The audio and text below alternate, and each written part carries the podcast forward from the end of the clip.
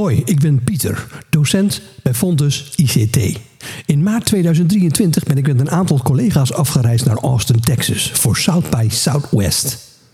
South by Southwest is een festival dat sinds 1987 jaarlijks in de lente wordt gehouden in Austin, Texas in de Verenigde Staten. Het festival draait om muziekoptredens, film, interactieve media, tentoonstellingen en educatieve bijeenkomsten. En in deze podcast neem ik je mee op ons avontuur. Heel veel plezier.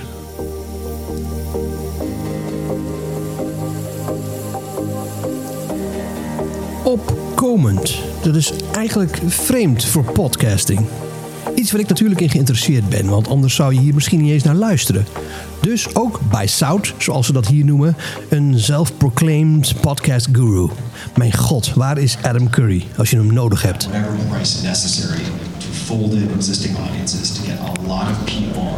which gets the attention of other reach out through their lawyers or agents to have conversations. I think it was very smart, and I expected, no matter what, that once they once they became a more meaningful percentage of every podcaster's downloads, that they would back off of that. Because why buy audience when you get to the point where most podcasters have to pay attention to you and they're coming to you at the same time they might go to Apple to ask for promotional help. In mijn zoektocht naar wat South by Southwest nu eigenlijk is, heb ik iets van een begin van een antwoord. Denk ik. South by Southwest is sowieso een festival voor tech, film en music. Ik ben er inmiddels achter dat het eerste deel van de eerste dagen gevuld zijn met tech, waarbij AI deze keer een soort van de hoofdrol speelt. Maar we hebben ook film. Dus wat doe je dan? Je hijst een enigszins bekende actrice, Tilda Swinton, op het podium om over haar nieuwste film te spreken. En zoals het gaat bij celebrities, zij heeft een voorkeur voor een interviewer. Nou ja, een interviewer, one of her friends. We'll dig into it in a second, but what what was the trigger for this movie for you? Uh, Julio Torres.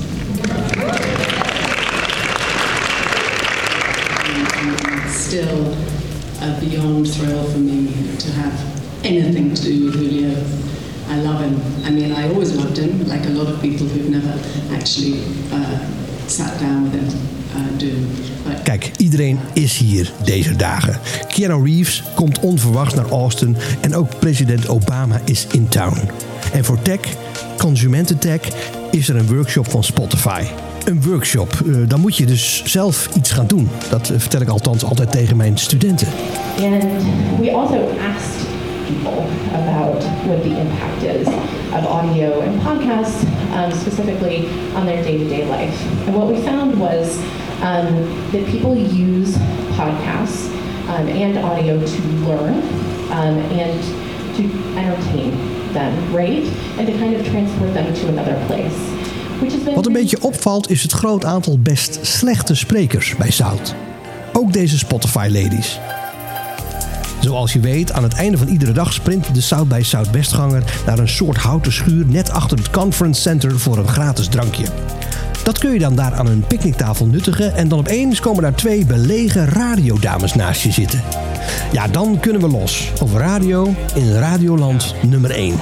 So, so you are you were in radio or are in radio still? Well, we did work in radio that for 32 years in the Austin market. And what did you do? Well, I did really everything from promotions, but ended up doing sales because that's where the money Yeah, is. yeah, yeah. yeah. Other than maybe a morning DJ show. Other than a morning DJ show, explain they that to make me. the big money. They're Yeah, the they do. stars. Yeah, yeah. You know. And the radio station we were with, the DJs were a 20 year run, which is unheard of. And at one station in the One US. station, one town, 20 years. So, You talk about popular. yeah, that's, that's very popular. And also uh, very convenient for the DJ to stay as long. Well, yes, they can raise their family here, and you know, normally you move around Yeah. in order to keep your job, but uh, KLBJ FM was the station. And is it still there or is it gone? Oh yes, Yeah. Oh, yeah. heritage, very much. Rock and roll. It was Because, yeah. it was started by the Johnson family, uh, Lyndon Baines Johnson, Uh-huh. Yeah, yeah, yeah, yeah. former president of the United States, I've heard about who it. owned it. Yeah.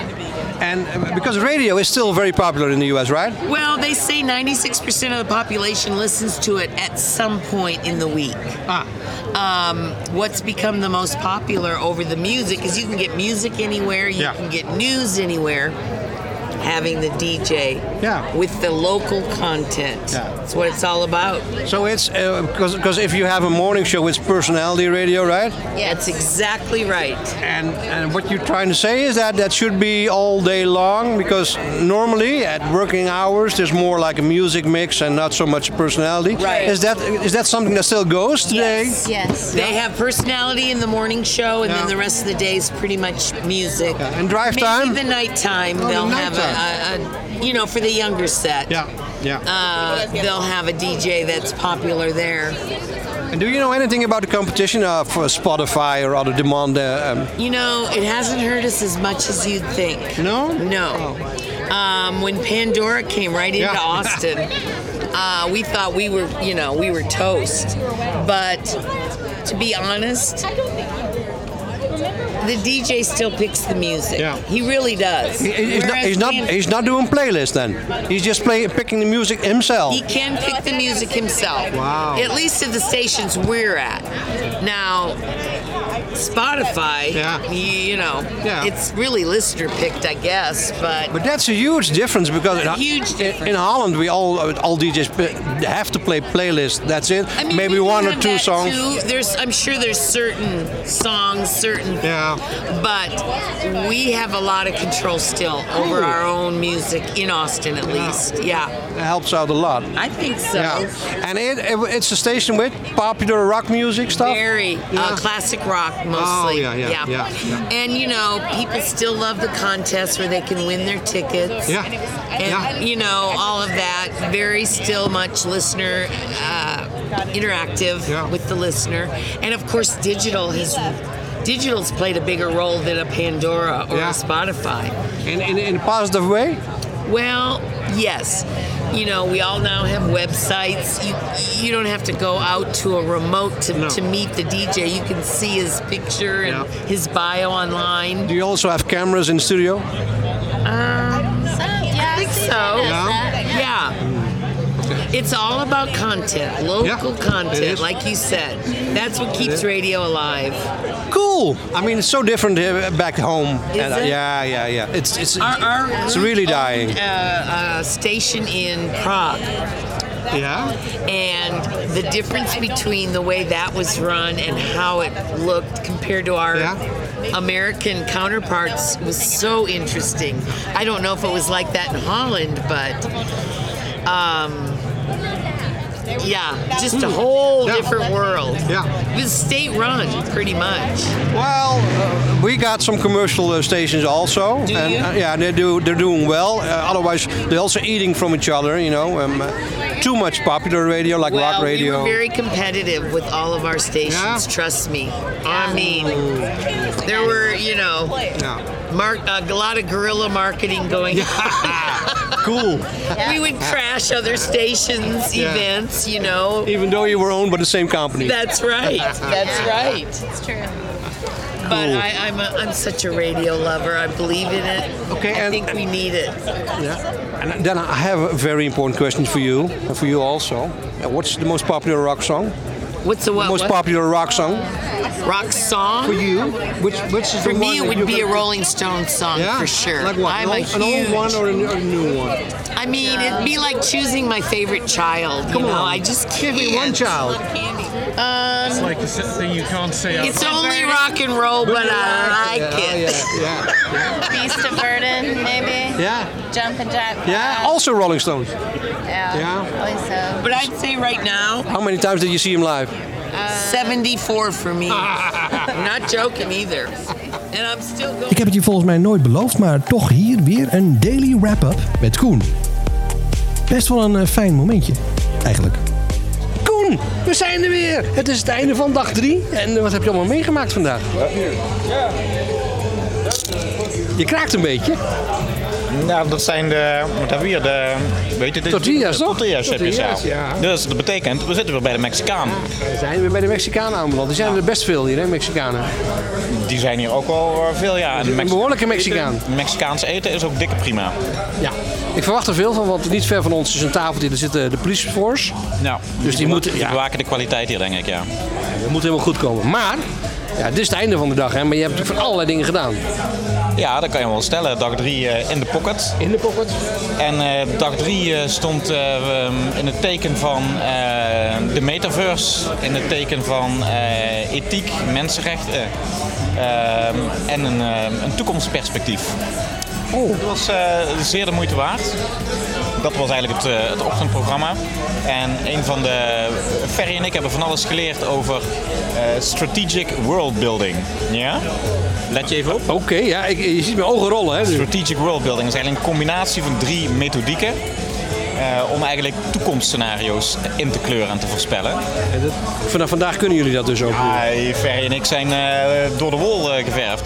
Het ging onder andere over van oké, als we nou even de, alle gimmicks aside zeg maar, van de metaverse, hè, dus de MS Paint versie van Zuckerberg, laten we dat even vergeten. Als je kijkt van oké, wat waar liggen nou echt kansen? Eh, Vanuit, vanuit use cases. Nou, we hadden een paar scenario's geschetst. En een van de, ik zal er twee noemen die wij interessant vonden. Eén daarvan ging over virtuele instrumenten. Hè, waar eh, instrumenten zoals we ze nu kennen, muziekinstrumenten, eh, gekenmerkt worden door het feit dat je gebonden bent aan de zwaartekracht. Hè, dus je- Ja, ja, ja, je, moet, je moet het vast kunnen houden, je moet achter kunnen zitten, noem het maar op. Het biedt VR en metaverse eigenlijk hele nieuwe mogelijkheden om muziekinstrumenten vorm te geven. En geluiden en combinaties ervan te produceren. Dus misschien kun je zelf wel het instrument worden of kun je een instrument om je heen hebben. En een instrument is niet meer eh, gebonden aan gewicht. Het moet zichzelf kunnen dragen aan eh, metaalconstructies die wel gerealiseerd moeten kunnen worden. Dus het biedt hele nieuwe kansen voor muziek en muziek maken. Dat is wel een interessant scenario wat, Zeker. wat, wat daar de komende jaren in eh, gaat gebeuren. Ehm, en een andere, zeg maar, die, ehm, ja, die ook echt wel, wel, wel beklijfde, moet ik zeggen, was het eigenlijk het gebruik van ehm, open world games. Hè. Dus denk aan, eh, aan The Sims, een voorbeeld werd genoemd van World of Warcraft, om daarmee eigenlijk eh, simulaties uit te voeren, om te kijken hoe bepaalde ziektes en bepaalde ehm, eh, ontwikkelingen door mensen daadwerkelijk opgepakt worden. Hij haalde het voorbeeld aan van eh, het eh, Corrupted Blood incident, Corrupted Blood incident in World of Warcraft. En dat was eigenlijk een pandemie in World of Warcraft. En dat is gebruikt om te bestuderen hoe mensen eigenlijk reageren op een wereldwijde pandemie. Nou, daar biedt de metaverse met al zijn eh, extra interactiemogelijkheden weer nieuwe kansen in. Ja, dus bijvoorbeeld kun je de Sims gebruiken om te kijken hoe mensen reageren op voedseltekorten. Ehm, kun je Grand Theft Auto gebruiken om eh, te kijken hoe mensen reageren op eh, andere vormen van vervoer en eh, klimaatveranderingen, noem het allemaal maar op. Eh, en ja, nog eentje voor de bonus dan. ging over de rol van digital twins. Nou, digital twins is een beetje uitgemolken term. Maar het ging eigenlijk een stapje verder, omdat je ze ook kan gebruiken om te kijken hoe. ehm, ehm, nou, er zijn veel steden eh, die moeten in de komende jaren in zekere zin verplaatst worden. Hè. Jakarta wordt, eh, de Indonesische regering wil in 2024 Jakarta gaan verplaatsen. Ook vanwege het water. Vanwege het water, ja. Nou, daar kun je natuurlijk digitaal je op voorbereiden. Maar je kan ook kijken, oké, wat betekent dat voor de stedelijke inrichting? En wat maakt een stad een stad? Dus als je dat bijvoorbeeld bij New York doet. eh, wat is New York zonder zijn bodega's of eh, zonder zijn parken en wat dan ook?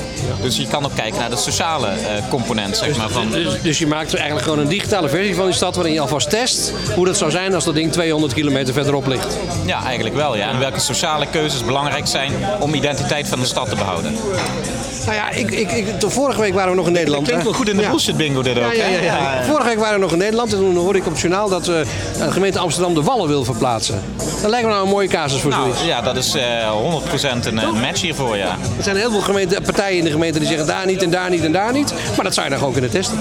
Ja, nee, absoluut. En het biedt hele interessante kansen ook voor, eh, voor ons, denk ik, hè, qua, qua onderzoek. Ik heb dus ook Koen, eh, nog even er overal toe geweest. En een van de dingen, die had ik je nog niet verteld, die ik heb gedaan vandaag, is ik ben ook naar een lezing geweest van een eh, Engelsman. Die heel veel van, zijn, ehm, eh, van de, dingen die hij heeft gezien als het gaat om marketing, digitale marketing en, en beïnvloeding uit China heeft gehaald. Dat vond ik op twee manieren opmerkelijk. Ik denk, oké, er is toch wel iets aan de hand met China. Ehm, en hij vertelde me dat daar dus heel erg, in, heel erg populair zijn op dit moment de virtual influencers. Ja. En dat wist ik natuurlijk al wel een klein beetje, had ik al wel eens gelezen ergens. Maar ehm, met name ook dat grote wereldmerken, zoals Bose en zo, weet je wel, echt, echt serieuze merken, en LG, ehm, liever werken met virtual influencers. Alleen al om het feit dat ze zeker weten dat die nooit een keer uit de bocht vliegen. Ja, dat klinkt wel vrij, eh, zeg maar, China-approved. Ja, en dat ging heel goed al in China. Daar waren ze al eh, best ver mee. Ja, dat is al, dat is al best, ja, ja dat geloof ik.